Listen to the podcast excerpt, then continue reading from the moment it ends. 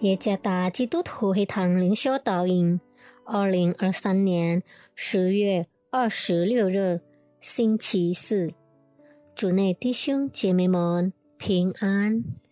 今天的灵修导引，我们会借着圣经罗马书第二章第四节来思想今天的主题：珍惜神的恩慈。作者。陈良春传道，《罗马书》第二章第四节，还是你藐视他丰富的恩慈、宽容、忍耐，不晓得他的恩慈是领你悔改呢？在多个机构的多个部门进行了。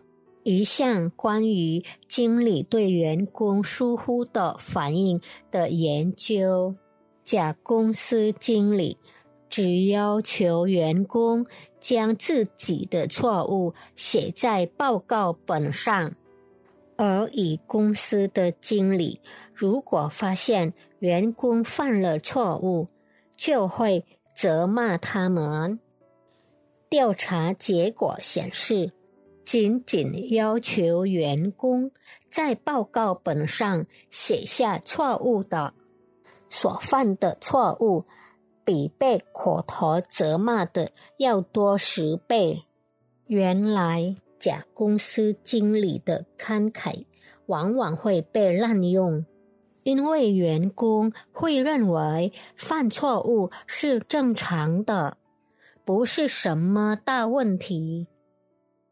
带着恐惧工作当然是不舒服的，尤其是生活在神愤怒的阴影下。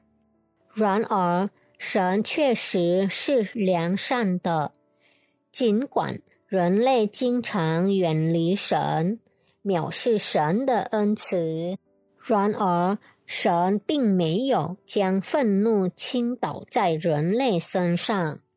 神总是向我们显明他的怜悯和恩典。可惜的是，我们常常只随着自己的欲望而滥用神的恩慈。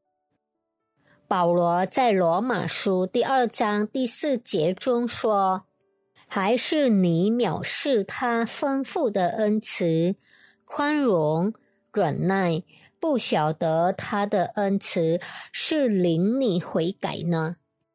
当人类犯错误而感到不会有问题，并且觉得神没有生气时，我们必须谨慎，不要对神的耐心掉以轻心，不要以为神如此爱我们，就可以随心所欲的犯罪。如果我们生活得很好，一切都很顺利，请记住，这都是因为神的恩慈。